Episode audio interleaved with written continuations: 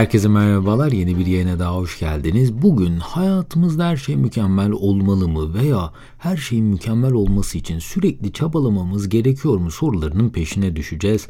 İsterseniz buyurun hiç beklemeden hemen yayına geçelim. Bu arada tüm yayınları ve istediğiniz kategorileri seçerek okuyabileceğiniz ve dinleyebileceğiniz içerikleri haftalık olarak paylaştığımız blog sayfamızda artık yayında göz atmak isterseniz linkini açıklamalar bölümüne bıraktım.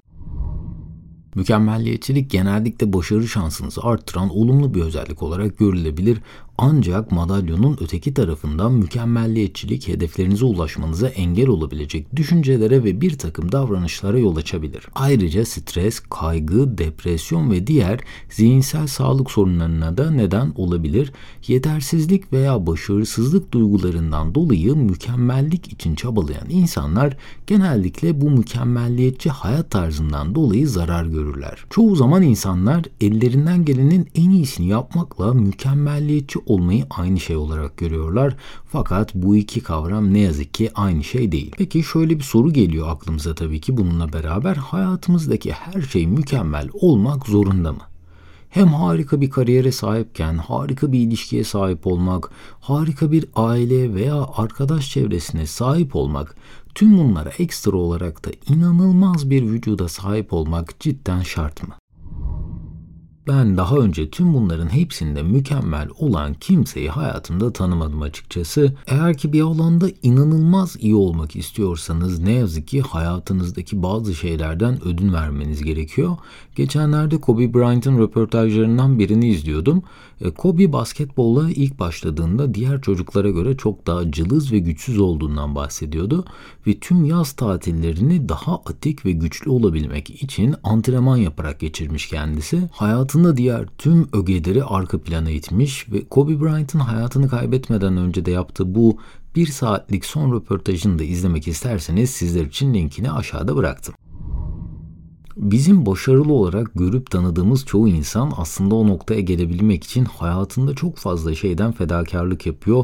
Bu bazen aileyle geçirilen zaman olabiliyor, bazen sağlık bile olabiliyor ne yazık ki. Peki tam olarak bu mükemmelliyetçilik nedir derseniz Houston Üniversitesi'nde Sosyal Hizmet Yüksekokulu'nda yazar ve araştırma profesörü olan Breen Brown, mükemmelliyetçilik ile sağlıklı davranış arasında bir ayrım olduğunu savunuyor ve bunu şu şekilde açıklıyor. Mükemmelliyetçilik elinizden gelenin en iyisini yapmaya çalışmakla aynı şey değildir. Mükemmellik sağlıklı başarı ve büyüme ile de aynı şey ne yazık ki değildir diyor. Mükemmelliyetçiliğin birçok insan tarafından suçlama, yargılama veya utanma acısına karşı bir kalkan olarak kullanıldığını açıklıyor kendisi. Mükemmelliyetçi olduğunuzu gösteren işaretler nelerdir? Bunu merak ediyor olabilirsiniz şu an belki de. Çoğu insan zaman zaman hayatının belirli alanlarında mükemmelliyetçilikle meşgul olur. Fakat tam zamanlı mükemmelliyetçi olan insanlar sürekli olarak mükemmelliğe ulaşma ihtiyacı hissederler. Bu kişiler genellikle mükemmel yapabileceklerini bilmedikleri sürece bir görevi yerine getirmezler. Bunun sonucu olarak da öğrenme sürecine veya bir görevi ellerinden gelen en iyi şekilde tamamlamak tamamlamaya daha az odaklanırlar.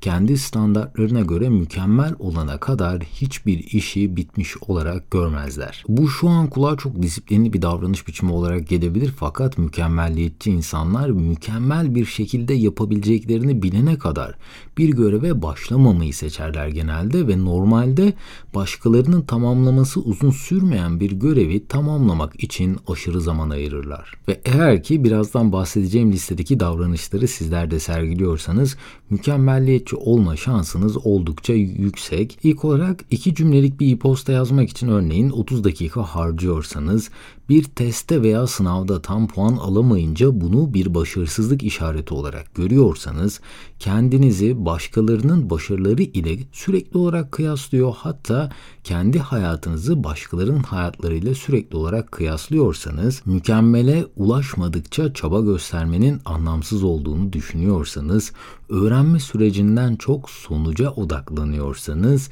veya kusursuz görünme korkusuyla arkadaş çevresiyle oyun oynamaktan veya yeni bir aktivite yapmaktan kaçınıyorsanız siz de mükemmelliyetçi bir birey olabilirsiniz.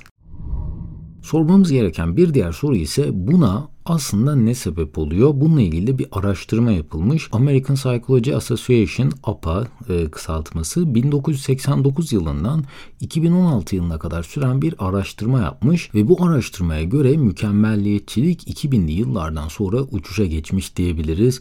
Ayrıca 1976'dan 2008 yılına gelindiğinde ailelerin çocuklarından beklediği eğitim ve kariyer alanındaki başarı beklentisi %80 oranında artmış. Eğer ki bu araştırmayı da okumak isterseniz linkini bırakıyorum yine. Mükemmelin peşinden koşmamıza sebep olan en büyük şey artık kendimizi ister istemez sürekli olarak diğer insanlarla kıyaslıyor olmamız. Sosyal medya olmadan önce insanlar kendilerini en fazla yaşadıkları mahalledeki diğer insanlar ile kıyaslayabiliyordu ve pek çok çocuk zengin fakir fark etmeden aynı okula gidiyor, aynı eğitim alabiliyordu. Teknoloji hayatımıza bir takım güzellikler getirdiği gibi ne yazık ki bir takım negatif etkileri de getirdi. Artık dünyanın en zengin, en başarılı, en iyi görünen insanların hayatlarını an ve an takip edebilir olduk. Pek çok insan için başarılı olma standardı çok yükseklere hatta zirvelere çıkmış durumda ve bu hedeflere ulaşamayınca psikolojik olarak bir yenilgi hissi yaşamak, mutsuz ve başarısız hissetmek kaçınılmaz bir hale gelebiliyor. Dünyanın en zengin 21 insanı ile yapılan bir araştırmada bu insanların mutluluk seviyesinin ortalama bir insana göre sadece %1 daha fazla olduğu bulunmuş. Para sadece parasal sorunları çözüyor cidden. Belki de dünyanın ilk 21 zengini arasına girerseniz dahi her şey ne yazık ki mükemmel olmayacak. Ve yayını çok sevdiğim bir sözle bitirmek istiyorum. Mükemmel iyinin en büyük düşmanıdır. Sürekli olarak daha iyi olmak ve bunun için çabalamak mükemmelin de ötesinde bir duygu ve umarım bu duyguyu bu yayını dinleyen herkes yaşamayı tercih eder. Bugün de bir yayının sonuna geldik. Umuyorum ki sizlere faydalı bilgiler sunabilmişimdir. Bu arada tüm yayının yazılım metnine ve yayında kullandığım kaynaklara açıklamalar bölümündeki linkten ulaşabilirsiniz. En kısa sürede yeni yayınlarda görüşmek üzere. Kendinize çok iyi bakın. Hoşçakalın.